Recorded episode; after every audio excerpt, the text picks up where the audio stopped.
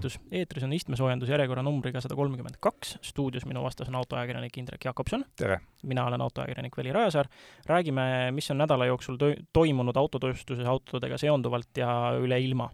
meil tuleb jutuks täna nii ähm, esiteks väga tänuväärset tagasisidet on kuulda on meie kuulajatelt kohe varsti lähemalt, siis jätkame elektritõukside teemadel, räägime kütusest nagu alati, räägime maailma suurimast äh, elektriauto või elektrisõiduki tootjast, kellel on suured lubadused. Ameerikas aga on vastu võetud kaks äh, üliolulist autotööstust puudutavat otsust,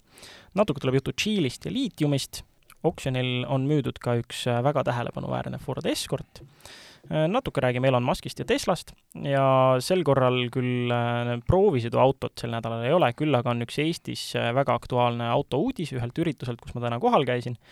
ja auto mõtteks võib siis nimetada mm, terve posu soovitusi meie poliitikutele. aga hakkame kohe otsast pihta, et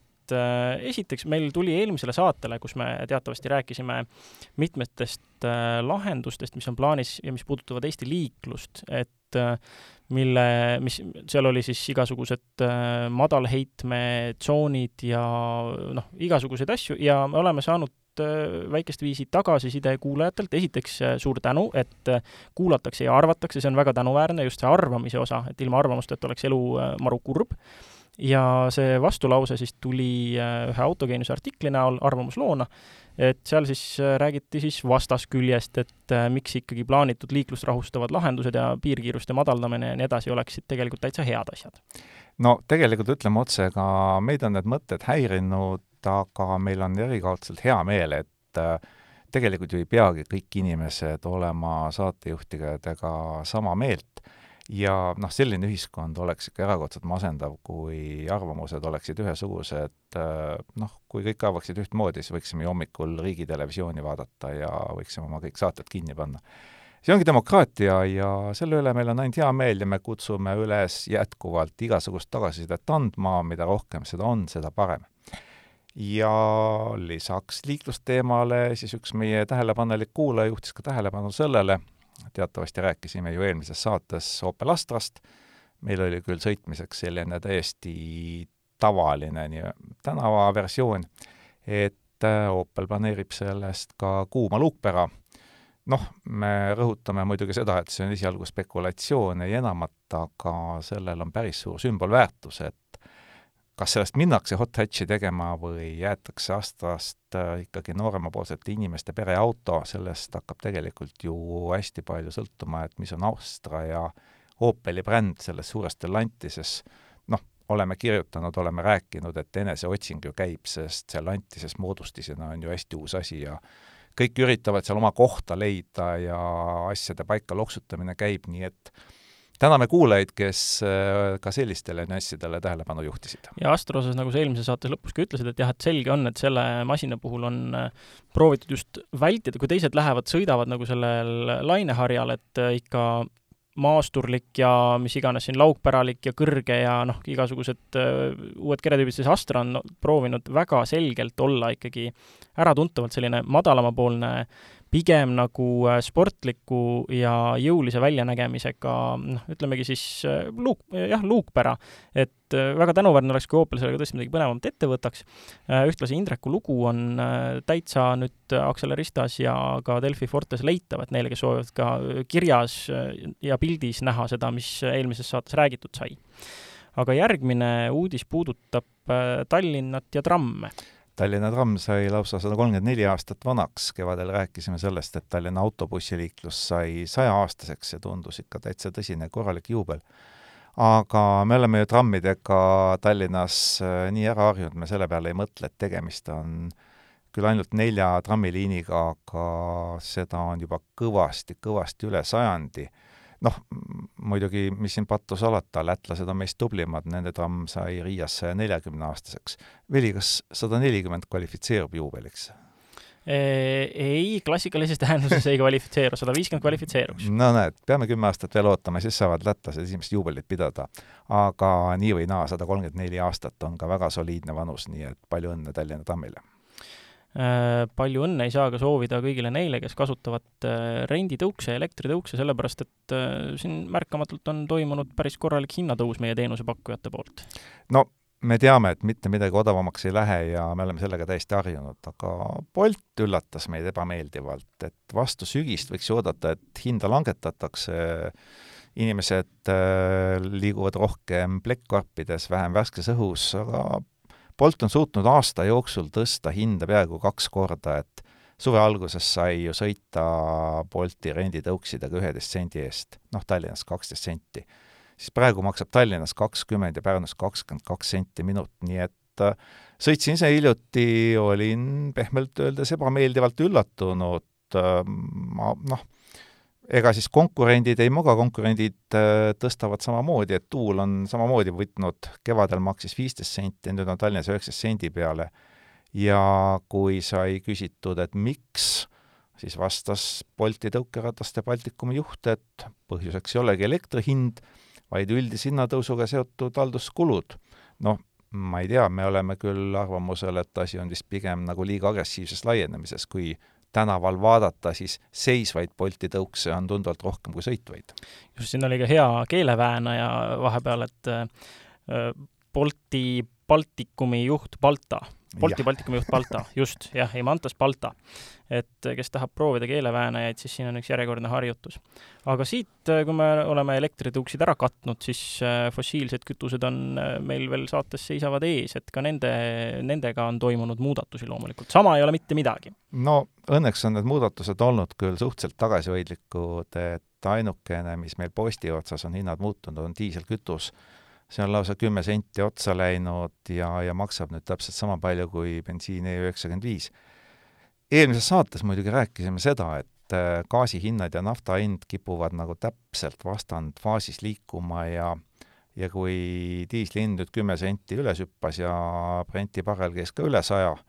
märgiline, siis mõtlesime, et mis toimub ja ega sealt pea, pikalt polnudki midagi mõelda, et äh, Hollandi indeks tuli alla nagu koliseb, et ja mis põhjuseks, sakslased on suutnud oma mahutid juba nii hästi täis saada, et parem kui plaanis ja see, et äh, venelased annavad nüüd selle nädala kolmapäevast ehk siis homsest alates enam üldse mitte gaasi, sakslasi vist enam eriti ei kõiguta ja gaasi hind tuleb ka allapoole, tundub, et asi hakkab normaliseeruma mida proovitakse normaliseerida Ameerikas, on aga inflatsioon muuhulgas ja selleks on vastu võetud kaks väga olulist otsust. et äh, noh, mõlemad on hirmpikad ja äh, lohisevad dokumendid, aga noh, neid on nimetatud igasuguste heade nimedega, kliima- ja tervishoiuseadus, aga noh, siin lisaks sellele on siis ka veel inflatsiooni kontrolli alla saamine, aga kõigest järjekorras jah, et äh, see esimene pulla on seitsesada kopikatega lehekülge pikk ja me kindlasti võiks terve saatesarja teha, kui seda tahaks analüüsida, aga räägime ainult nendest olulistest kohtadest, mis autosid puudutab.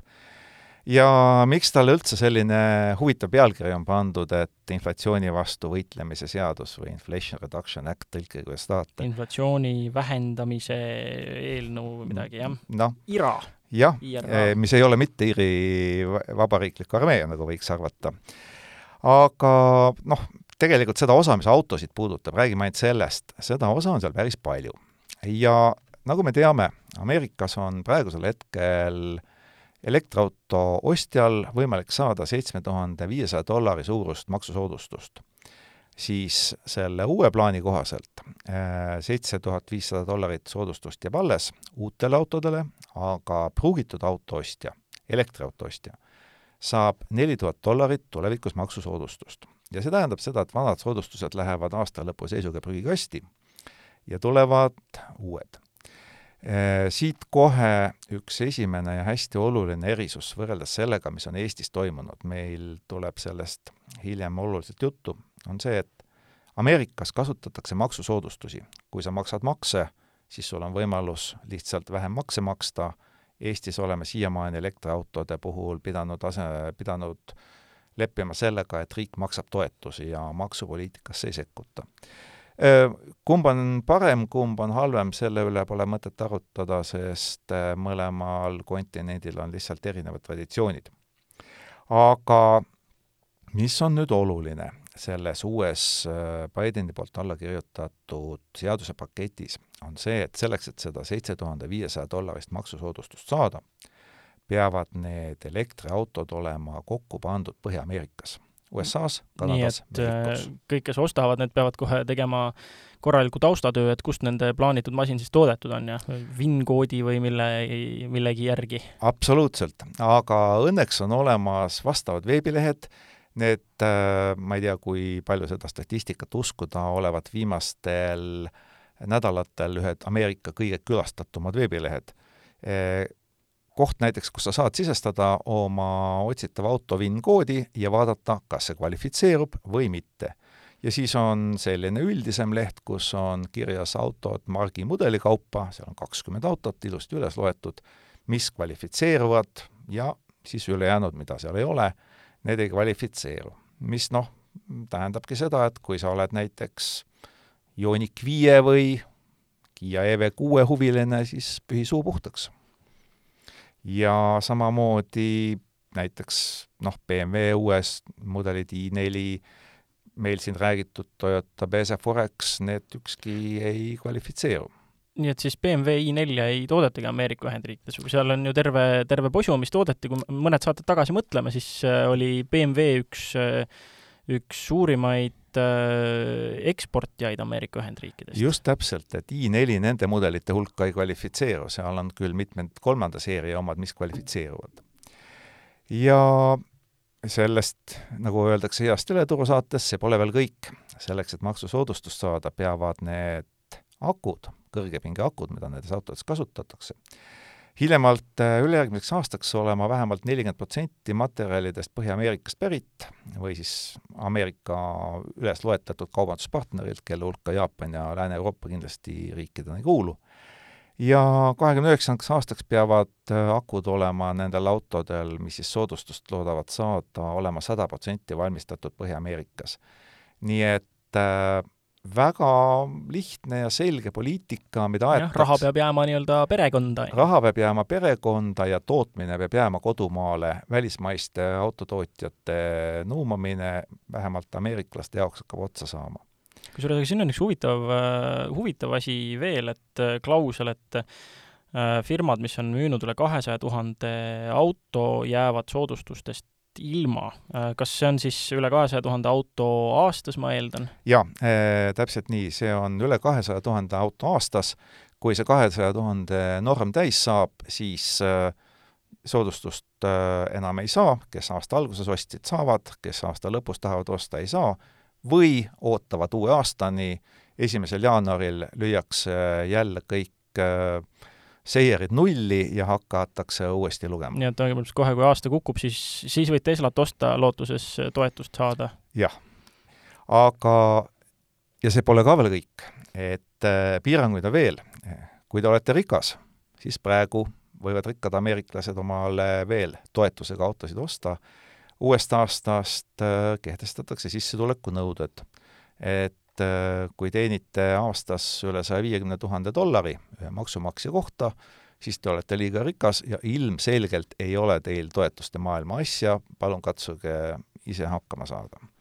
et no äh, kuidas see niimoodi, sada viiskümmend tuhat dollarit aastas ja siis sa pead nüüd ise endale vorsti leiva peal ostma, kuidas niimoodi saab? Äh, palju see kuus teeb, umbes no see on ikka ka kaksteist tuhat ja natuke peale, et jah, jah. eks selle sissetulekuga olegi raske ju hakkama saada. just ja lisaks on hinnapiirangud, noh, see on nüüd juba selline, öeldakse, et mõne autotootja kiusamine, aga eh, viiskümmend viis tuhat dollarit on siis soovituslik jaehind uutele autodele ja kaheksakümmend tuhat dollarit siis pikapitele, maasturitele ja kaubikutele, aga seal tuleb arvestada seda, et see ei ole mitte hinnakirja hind, vaid see on see hind, mis siis autotootja või õigupoolest automüüja paned kõik varustused juurde, metallikvärv ja nii edasi, kui läheb üle viiekümne viie tuhande dollari, pühi suu puhtaks. et äh, noh, vinguviiulid kurdavad, et toetuse saajate arv äh, väheneb selle peale seitsekümmend protsenti, et ma ei tea. ja see... just nendele, kes, kes seda kõige enam vajavad, et on ju ebaõiglane. absoluutselt. et, et et noh, tegelikult täiesti, täiesti loogiline otsus. kui midagi analoogset Eestis korraldada, siis äh, kõik need punktid siin tundusid selle koha pealt loogilised, just see piirang, äh, siis toetuse saajate piirangute osas, et loogiline ja kui sa oled rikas, siis mida sul veel, mis toetust sa veel tahad, aga meil tundutakse nagu arvavat, et igasugused toetused, et noh, mida enam riik saab inimest aidata, olgu ta kui rikas tahes, seda, seda riik peab tegema et.... no toetust ei ole tegelikult inimõigus, et äh, meil Eestis, noh, tegelikult ka Euroopas, eks ole, mõnikord kipub nagu selline tunne tekkima, aga siin tuleb äh, tutvuda Riigikohtu lahenditega, mis ütlevad, et toetused ei kuulu inimõiguste hulka paraku. ja noh, kui eksperdid on kogu selle pika ja keerulise süsteemi kokku võtnud, siis nad on öelnud, et jah, eh, elektriautode müük hoopis väheneb selle tulemusel, aga see ei ole üldse eesmärk eh, soodustada müüki, vaid eesmärk on tuua autotööstus, aku tootmine, kogu tarneahel tuua Põhja-Ameerikasse ja see on selle uue süsteemi tegelik kasu ja arvestatakse, et pärast turg teeb selle asja niikuinii ära. noh, sa ütlesid kenasti uus süsteem, noh, ameeriklaste jaoks, jaoks uus süsteem, aga nii mõnegi jaoks see ikkagi nagu üldse uus tegelikkuses ju ei ole. no näiteks hiinlased ei muretse ju üldse selle pärast, et äh, nemad on sedasama oma autotööstuse putitamist, upitamist teinud ju pikka aega, aga nemad teevad seda vaikselt, et kui me meenutame üheksakümnendaid ja nullindaid aastaid, siis välismaa autotootjad ju Hiina autotööstuse tegelikult välja arendasid, aga kui nüüd vaadata maailma suurima autoturu peale ja seda Hiina turg kahtlemata on, siis eh, kümnest autost kaheksa on kodumaised Hiina oma brändid, mis tähendab seda, et hiinlased on selle lojaalsuse nihutanud väga ilusti kodumaale ära ja erinevalt hiinlastest on korealased tunduvalt rohkem mures, et noh, enne siin juba ütlesime, et eh, Ioniq viis ja Kiia EV6, et nendele enam toetus ei laiene, siis eh, seal on asi läinud selleni välja, et lausa Lõuna-Korea valitsus on siis palunud Bideni administratsiooni käest audientsi, et sel teemal tõsiselt rääkida et kuidas siis ikka nüüd niimoodi, et Hyundai ja Kiia autod jäävad toetusest välja ja Detroiti rivaalid võivad siis nagu saada, et see ei ole nagu üldse õiglane.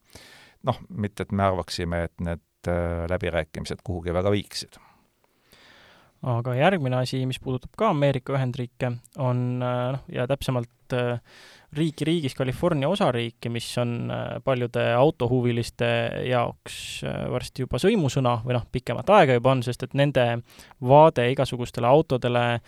ähm, sportautodele, modifitseerimisele ja kõigele on, ütleme pehmelt öeldes, konservatiivne. Ja nüüd siis eilse seisuga sarnaselt Euroopa Liidule võttis California õhuressursside nõukogu või amet või kuidas iganes teda nimetada, CARB, Äh, vastu siis äh, Advanced Clean Cars kaks plaani. Ja noh, mis on siis Euroopa Liiduga sarnast, et äh, alates kahe tuhande kolmekümne viiendast aastast osariigis enam uute sisepõlemismootoriga autode müüki ei lubata teha. Kusjuures ameeriklased on eurooplastest selles võtmes vaikselt ette läinud, et kevadel rääkisime pikalt-laialt, kuidas Euroopa Parlament need Fit for fifty five või kuidas seda eesti keeles nimetataksegi. mul, mul ka praegu kohe ei tule, aga igatahes see kliima, kliimaplaan. jah, et äh, kuidas see käib äh, parlamendis edasi-tagasi komisjonist komisjoni ja tegelikult ega otsuseni ei ole ju veel jõutud, et õigusakti noh, näeme vast aasta pärast, et praegu on tegemist ainult hirm, inimeste hirmutamiseks sobiva eelnõuga, aga California tegi asja ära. Tegelikult on iseenesest ju äärmiselt oluline juba selles võtmes, et tegu on maailma suuruselt viienda majandusega, kui ta oleks iseseisev riik, nii et tema roll maailmas on ikka päris suur. no ta on päris kõva katselava selles mõttes. jah, aga, ja lisaks tulevad tõenäoliselt sinna ka teised osariigid varsti kaasa. ongi, et kui neil on ju seal edu, edu saadab ja on näha, et asi toimib ja liigub, et siis noh, lõppkokkuvõttes miks nad ei peaks just, ja mis on selle juures nüüd kõige olulisem või kõige rohkem selle mulle meeldiv asi, on see, et ühed, esiteks on nad suutnud teha väga ilusti sellise step by step või järk-järgeliku ülemineku, et neil on kahekümne kuuendaks aastaks peavad olema müügis kolmkümmend viis protsenti elektrisõidukid, noh, või vesiniksõidukid, peaasi, et puhtad kütused, kolmekümnendaks aastaks kuuskümmend kaheksa protsenti ja kaks tuhat kolmkümmend viis siis äh, kõik puhtad, kusjuures kakskümmend protsenti autode müügist tohib olla pistikhübriidid. ja see on nagu erakordselt hea mõte, kuigi selle vastu on Ameerikas korraldatud noh, mitte küll protestiaktsioone, aga petitsioone on koostatud küll, sest äh, millegipärast leitakse, et tegu ei ole ikkagi sellise nagu päris õige asjaga, samas oleme ausad, tegemist on väga sellise targa otsusega, mis võimaldab tegelikult üsna valutut üleminekut nagu puhtamale maailmale, mis ei tõmba kohe nagu äh, ei tõmba nagu nööri kaela. voolikut, ei tõmba voolikut paagist välja, nagu öeldakse. jah, aga kas, kas seal muidu biokütuste kui puhaste kütuste kohta ka midagi on öeldud, ei ole? jään vastuse võlgu, ei ole sattunud ette, et sellest oleks midagi räägitud nii mm. detailselt mm., on räägitud see, et see peab olema süsinikuneutraalne ja noh, tõenäoliselt kui nad loevad biokütuseid süsinikuneutraalseks, siis need sobivad, nende jaoks on kriteeriumiks see, et tegemist ei tohi olla fossiilkütustega nüüd äh, rääkides äh, ettevõtmistest, mis võivad minna massidesse, kui see kusagil, äh, kusagil õnnestub, on Austraalias selline huvitav ettevõtmine plaanis, et Lõuna-Austraalia osariigis tahetakse veel selle aasta lõpus katsetama hakata muuhulgas astmelise juhiloaga, et need, kes tahavad sportautoga sõita, noh, praegu kuidas on see loogiline, on ju, et meil teed omal B-kategooria ära, võid osta endale viiekümne hobujõulise auto, aga võid osta ka tuhande hobujõulise auto ja siis sellega kohe sõitma asuda. et seal tahetakse seda teha, et sportautodele noh, kusagile tõmmatakse see piir, on ju, kas siis massi ja võimsuse suhte järgi või mootori suuruse järgi. kas seda ei ole veel otsustatud? seda ei ole veel otsustatud, kuidas see süsteem olema saab, aga jah, lootust, lootust on neil seal Lõuna-Austraalia osariigis, et, et selle aasta lõpus läheb see asi töösse. et no seal tõenäoliselt võetakse eeskujuks siis sarnased asjad, mis meil on igasuguste raskeveokitega, et järjest kategooriad ja treilerite hulk ja mass ja kõik asjad, et noh, seal tehakse sarnane süsteem. Ja iga astme jaoks siis on mingit sorti täiendkoolitust vaja, et kui sa tahad tõesti endale mingit väga võimsat sportautot osta, siis sa läbidki mingisugused niisugused äh, edasijõudnute koolitused ja siis tohid sellega sõita. kusjuures kõne all on ka see, et äh, võib-olla ei lubata näiteks enam äh, omavoliliselt avalikul teel veojõukontrolli välja lülitada näiteks et mis see, on, see on no, huvitav, kuidas nad seda kontrollida saavad. just, et äh, see on, ja see on juba see, et kui, kui muu osaga sellest plaanist võiks nagu nõus olla, siis tegelikult igatepidi loogiline on see astmeline juhiluba ja tõesti, igaüks ei peaks saama, noh jälle, siin võib rääkida inimõigustest, et tuhande hobujõuline sportauto ei ole inimõigus. auto juhtimine ei ole üldse inimõigus yeah.. ja noh, ja kui sa vaatad neid rikkurite rajapäevasid, kus äh, inimesed käivad oma kallite ülivõimsate sportautodega sõitmas, siis äh, see on kohe kõige suurem kinnitus sellele, sellele fraasile, et raha eest ei osta ajusid ega oskust. et seal seda enam ongi see, et mingisugune täiendkoolitus võiks vajalik olla, aga just see, see, et nüüd, nüüd ei lubata enam ka mingisuguseid veojukontrolli ega midagi välja lülitada, no mis järgmiseks, siis ei tohi sportrežiimi enam avalikul teel sisse lülitada või et noh, see on juba nagu ülereguleerimine minu arvates. no ma arvan, et tegelikult võib-olla asi nii hulluks ei lähe, sest äh, ma ei kujutanud ette, et kas äh, Äh, ringraja ukse peal on tehnik, kes kontrollib, äh, paneb auto, ma ei tea, klemmid külge, kontrollib, et mingisugune funktsioon töötab, ei tööta. jah, GPS-lukustus või midagi, vaata nagu on Hyundai ah,, Hyundai N-autodel on ju see, et nad, kui ma nüüd ei eksi, siis aa, okei okay,, Hyundai N-autodel on, kas see oli N-Grin selle nimi või mingisugune kurvi mode, kus ta tuvastab, et kui sul on tee peal on see kurvi, kurvilise tee märk, siis ta võib sul automaatselt sisse lülitada mingid agaramad vedrustuse ja muud mootoriseaded, kui sa seda tahad ja mingite masinatega on ka see, et nad tunnevad ära, kui sa oled kusagil ringrajal ja siis lubavad sisse lülitada oma track mode'i, et noh, siis tõenäoliselt oleks veojõukontrolliga mingisugune sarnane asi, aga, aga jällegi selle ümber on noh, see on, see on, see on seal ülereguleerimise tasandil juba. huvitav, kuidas nad muidugi seda ära tunnevad, sest ma arvan, et, et tegelikult tarkvara suudab palju asju ära teha, sest Volkswagen mm -hmm. suutis juba kümme aastat tagasi aru saada, kas auto sõidab päriselt või ta on kuskil testikatsel. jah, just aga noh, nüüd äh, poliitikutest ja nende plaanidest oleme natuke rääkinud, aga võib-olla kui lubatakse, siis oleks neile ka midagi soovitada. Jah, et siit nüüd tuleb selle saate automõte ja see on nüüd seotud küll otseselt lähenevate valimistega, märtsi alguseni on meil jäänud äh, täpselt äh, kuus kuud, paar päeva juurde, ja me oleme kuulnud, et elektriautode ostutoetus tuleb siiamaani ühtegi bitti infot rohkem ei ole öeldud ega avalikustatud kui see, et ta tuleb. minister lubas. ja lihtsalt värsken, mälu värskendamiseks pilk ajalukku, et eelmise toetusega äh, sai elektriauto siis riigi toel osta soodsamalt kolmkümmend kaks eraisikut ja kakskümmend kaheksa ettevõtet, kokku ostsid nad sada neliteist uut elektriautot ja kõige populaarsemaks autoks oli Škoda Enyaq toetuse suurus oli viis tuhat eurot ja eraisiku puhul läks sellest maha tulumaks, mis tähendab seda, et tegelik toetus oli neli tuhat eurot. aga me oleme siin nüüd rääkinud pikalt sellest, kuidas Ameerika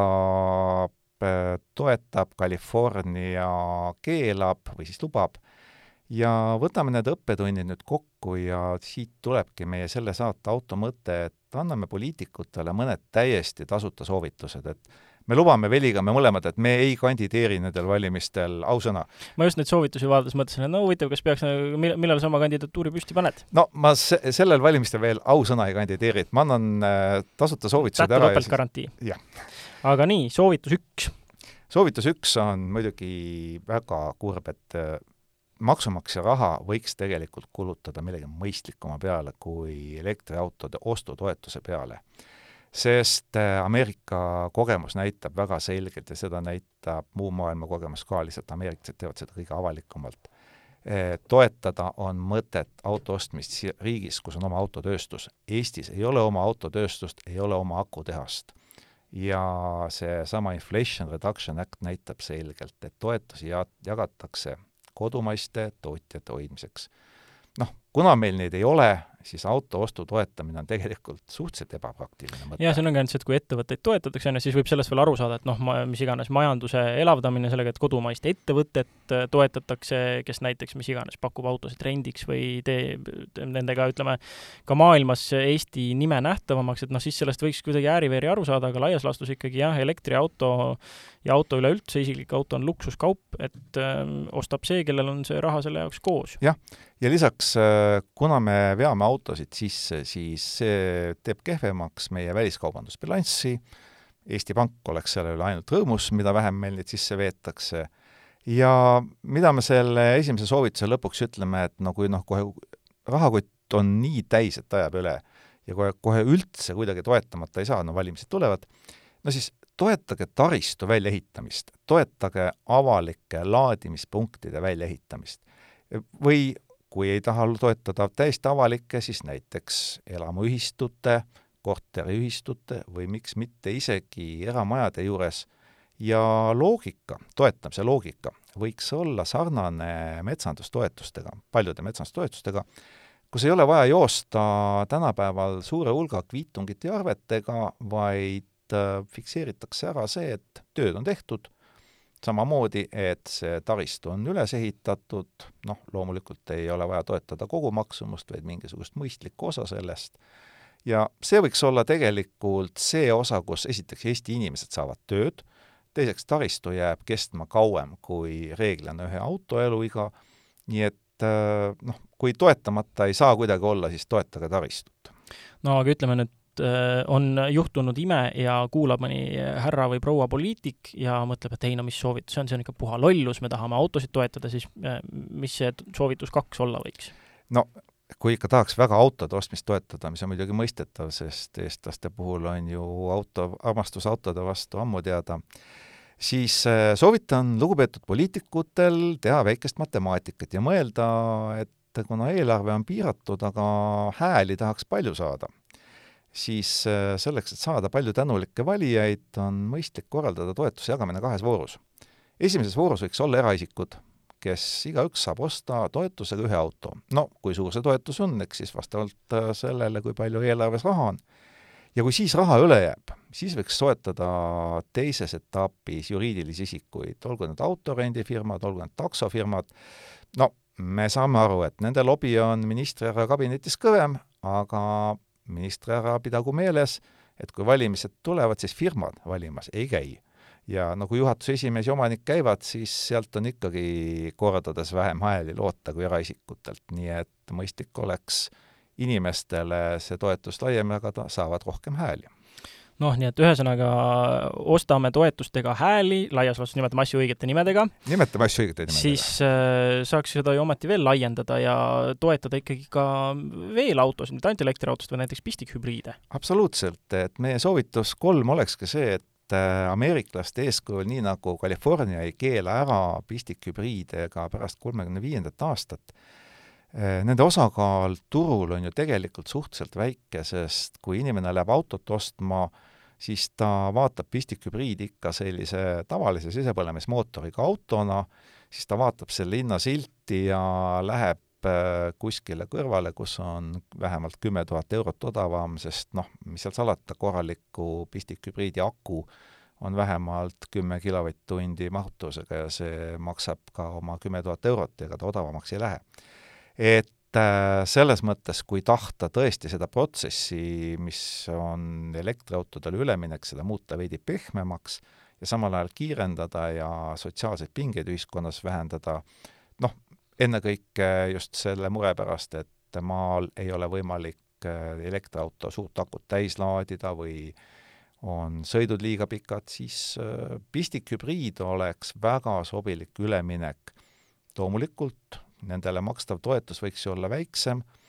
raha jääks rohkem ja no poliitikutele oleks see ju eriti sobilik meede, sest õnnelikke toetust saavaid valijaid oleks noh, ütleme ühe elektriauto õnneliku toetuse saaja kohta võiks olla kolm pistikhübriidi toetuse saajat ja kolm õnnelikku valijat oleks poliitikul kohe juures. just, ja noh, siin tuleb ikkagi ju mõelda ometi ka loogiliselt, et kui näiteks eelmise toetusvooru noh, kähku saab välja arvutada, mis see eelarve umbes selleks oli, et kui sai sada neliteist uut elektrisõidukit, peaaegu viis tuhat eurot tükk, ütleme, korrutame viiega, see on siis äh, viissada seitsekümmend tuhat eurot ja arvestame maha kolmekümne kahe eraisiku äh, autode pealt kaotatud äh, see toetus, mis ei olnud siis toetusena välja makstud tuhat eurot, see teeb siis meil ähm, viissada kolmkümmend kaheksa, on ju, viissada kolmkümmend kaheksa tuhat. no kõige mõistlikum lihtsalt see, see raha nagu jaotada võimalikult paljude potentsiaalsete valijate peale laiali, osku nad mis autosid tahes, on ju. jah, ja inimesed on õnnelikud ja poliitikud saavad tagasivalikud meie raha eest aga rääkisime siin juba akudest, nende hinnast, mida akudes ikka leidub kenasti, liitiumi ja kus on olulised kohad, kus liitiumi kaevandatakse, üks neist on igatahes Tšiili. Tšiili on riik, mis on äh, see käesoleval nädalal maailma päris mitme analüütiku suure fookuse all ja põhjus on lihtne. Tšiili saab omale, eeldatavasti saab, kui see nüüd rahvahääletusel läbi ei kuku, mida me ei usu,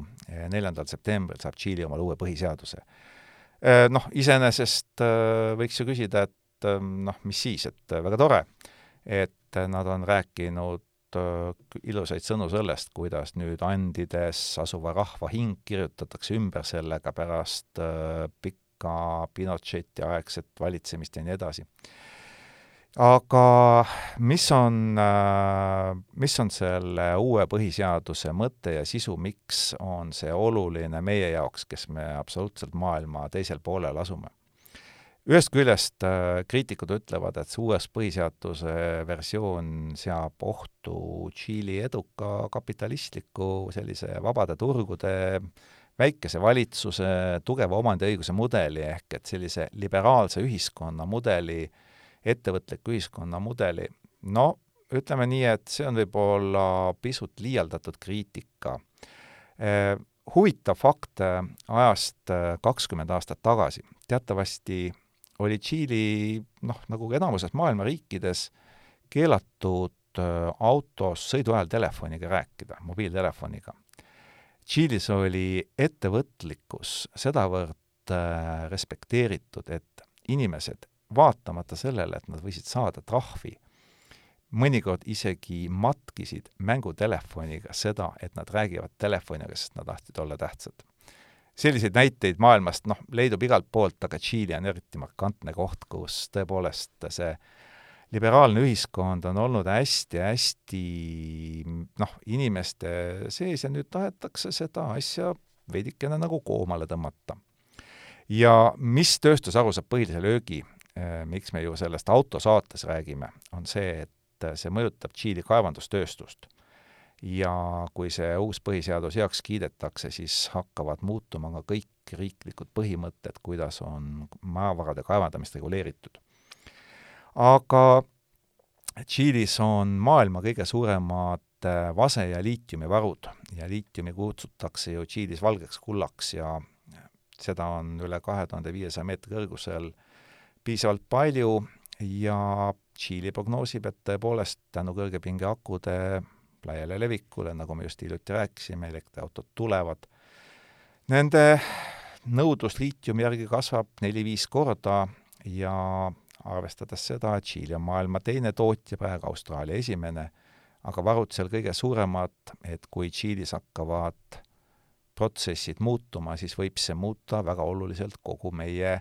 maailma, mis on elektriautode, elektriautode tulevikule üles ehitatud. Et seesama uus põhiseadus, millest me nüüd rääkisime, tema mõju ongi see, et see mõjutab äh, Tšiili kaevandustööstust ja siis, kui see tõepoolest heaks kiidetakse, siis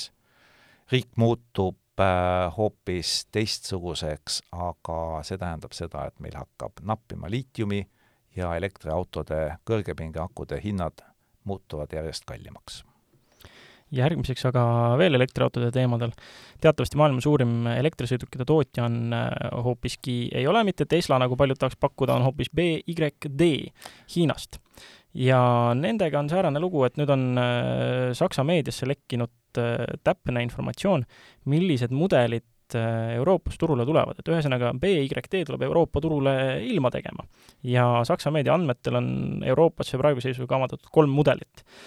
mida ühe, ühte juba Norras pakutakse, see on Tang EV ja siis lisaks on veel ka Han EV ja Atto kolm, mis on siis kompaktmaastur. eeldatavasti siis näeme neid kõiki kolme või vähemalt äh, Atto kolme juba Pariisis tänavu sügisel, me vähemasti väga loodame, ja BID ja hiinlased on selles suhtes tuntud, et nad tühje sõnu ette ära ei tee kui nad on öelnud, et nad tulevad selle aasta jooksul, siis ma arvan, et Euroopa suurematel turgudel on need autod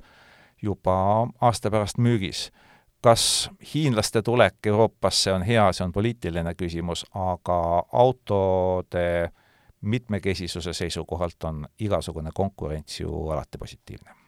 nüüd aga ütlen välja ühe üpris suure arvu ja miks see oluline on umbes kaheksasada viiskümmend tuhat eurot, kaheksasada viiskümmend tuhat dollarit, praegu meil on enam-vähem sarnane, või seitsesada kakskümmend kaks tuhat viissada naela, on see summa, millega müüdi musta värvi Ford Escort RS Turbo ja mis selle eriliseks teeb, on see, et äh, seda juhtis äh, kolme aasta jooksul printsess Diana ja läbis sellega tervenisti nii suure hulga miile, nagu seda on kuus tuhat kaheksasada, et äh, noh, mitte küll väga arvestatav hulk, aga arvestatav hulk on see summa, mille eest see auto turgu läks et äh, näiteks eelmise aasta juunis müüdi üks teine printsess Diana poolt kasutatud Ford Escort ja see läks ainult viiekümne kahe tuhande naela eest. see on ikka täitsa odav, eks ole. ja noh, arvestada veel seda, et äh, kui printsess Diana sõitis selle autoga ainult kuus tuhat kaheksasada miili ja pärast seda võttis liisingfirma selle tagasi ja müüs selle edasi, järgmine omanik sõitis veel natuke, nii et praegusel hetkel oli autol kella peal kaks tuhat, kakskümmend neli tuhat üheksasada ehk peaaegu kakskümmend viis tuhat äh, iseenesest ju palju sõitnud auto. aga mis teeb selle muidugi eriliseks, on see, et äh, väidetavalt ei ole Ford rohkem tootnud ühtegi musta värvi RS Turbo Series ühte. et selles suhtes unikaalne sõiduk ja noh, ja printsessi Diana hõng ja aura tuleb siis nagu boonusena kaasa. just, ja äh, printsess Diana oli selles suhtes huvitav äh, valitseja, et tema armastas alati sõita ise, et selles autos oli äh, ümberehitustega selle peale arvestatud, et ihukaitsja istub kõrval, mitte küll tagaistmel, ja tal on seal raadio, isegi raadiojuhtmed on veel originaalis alles, raadio on küll välja võetud, et äh, selles suhtes ütle, ütleme nii, uus hinnarekord kõikidele Ford Escortitele, mis on siiamaani müüdud ja ilmselt seda vist kellelgi enam kunagi üle lüüa ei õnnestu, kui just sama auto uuesti müüki ei tule aga saate lõpetuseks äh, ei tule mitte proovisõiduauto, vaid äh, käisin täna hoopis vaatamas, esitleti Eestis esmakordselt kolmanda põlvkonna Range Rover Sporti, pika nimega siis Land Rover Range Rover Sport. et teatavasti esimene põlvkond tuli kahe tuhande viiendal aastal, aga nüüd on kolmanda põlve kord ja räägin lühidalt ära, mida siis seal selle auto kohta teada sai. Äh, esiteks, kui kate maha tõmmati, disain, jätkuvalt selline Range Roverlik lühike telliskivi pika telliskivi peal, aga ta on jälle tahutud natuke ümaramaks. Äh, mis seal kõik muudetud on, eks äh, tuled, äh, pamprid, igasugused asjad, et ta oleks natukene jälle maskuliinsem, jõulisem, samas et tal nagu väljendaks siis nagu maastikusuutlikkust kõik see, sest see on olnud alati Range Roveri ja just selle spordi üks peamisi alustalasid, et isegi kui ta on sportlik ja luksuslik, ta peab ka maastikusuutlik olema seal on huvitavad butafoorsed disainielemendid on kapotil ja külgedel, et mis äh, külgedel olevad mustad sellised äh, ütleme, plastikust ähm, jurakad imiteerivad siis seda kohta, kus kunagi esimesel põlvel oli õhuvõtuava et nüüd on seal lihtsalt siis plastikjura peal ja tegelikult õhku võtab see mootor hoopiski väga huvitavalt läbi kapoti, läbi kahe kapotikihi et on öeldud, et veetakistust läbides, et äh, ei, ei saa seal kuidagi vett sattuda tegelikult mootori õhuvõttu. see auto vist on äh, ette nähtud läbima lausa üheksakümne sentimeetrist koolme. just, et üheksakümmend sentimeetrit, sellega tehtigi hiljuti ka üks äge katse, kus roniti ühe tammi otsa sellega vastu voolu et täitsa äge, see video on kusagil Acceleristas kindlasti ka leitav, kui otsida Range Roverit meie otsingu nupu alt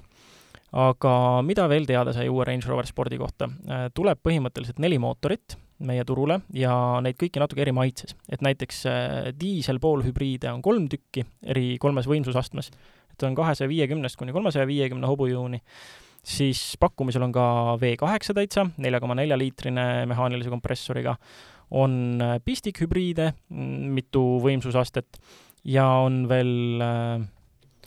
bensiinimootoriga poolhübriid ka, et neli maitset nii-öelda ja ei ole veel äh, kinnitatud, aga tõen-, tõenäoliselt on tulemas ka SVR mudel, millel siis sellest nelja koma nelja liitrisest mootorist võetakse tõenäoliselt kusagil kuussada või veel rohkem hobujõudu välja. et jah, kõik äh, nelikroolimised, nelikveod, kõik asjad, et tal, ähm, kuigi ma ei usu, et keegi äh, maastikule seda masinat väga viia tahab, siis see võimekus ikkagi lubatakse, et on olemas Eestisse jõuavad proovisõiduautod alles paraku järgmise aasta esimeses kvartalis, ehk siis saame pikemalt rääkida. hinnakiri on äh, juba leitav äh, Land Roveri lehel ja eks nad seal niisugused laias laastus algavad natuke alla saja tuhandega, tuleb ikkagi arvestada, et tippmudelid lähevad sinna saja viiekümneni välja, pluss varustus. et eks kunagi sellest pikemalt, aga täitsa nagu selles mõttes kena ja hiiglaslik masin tundub, et äh, loodame, et saame teda siis järgmisel aastal ka proovile panna ja teile pikemalt rääkida aga selline oli meie saade sada kolmkümmend kaks ja loodetavasti äh, kuulate meid ka järgmine kord ja igasugune tagasiside, arvamused ja kõik asjad jätkuvalt oodatud, võtke meiega ühendust, kuidas tahate. aitäh! Kuulmiseni!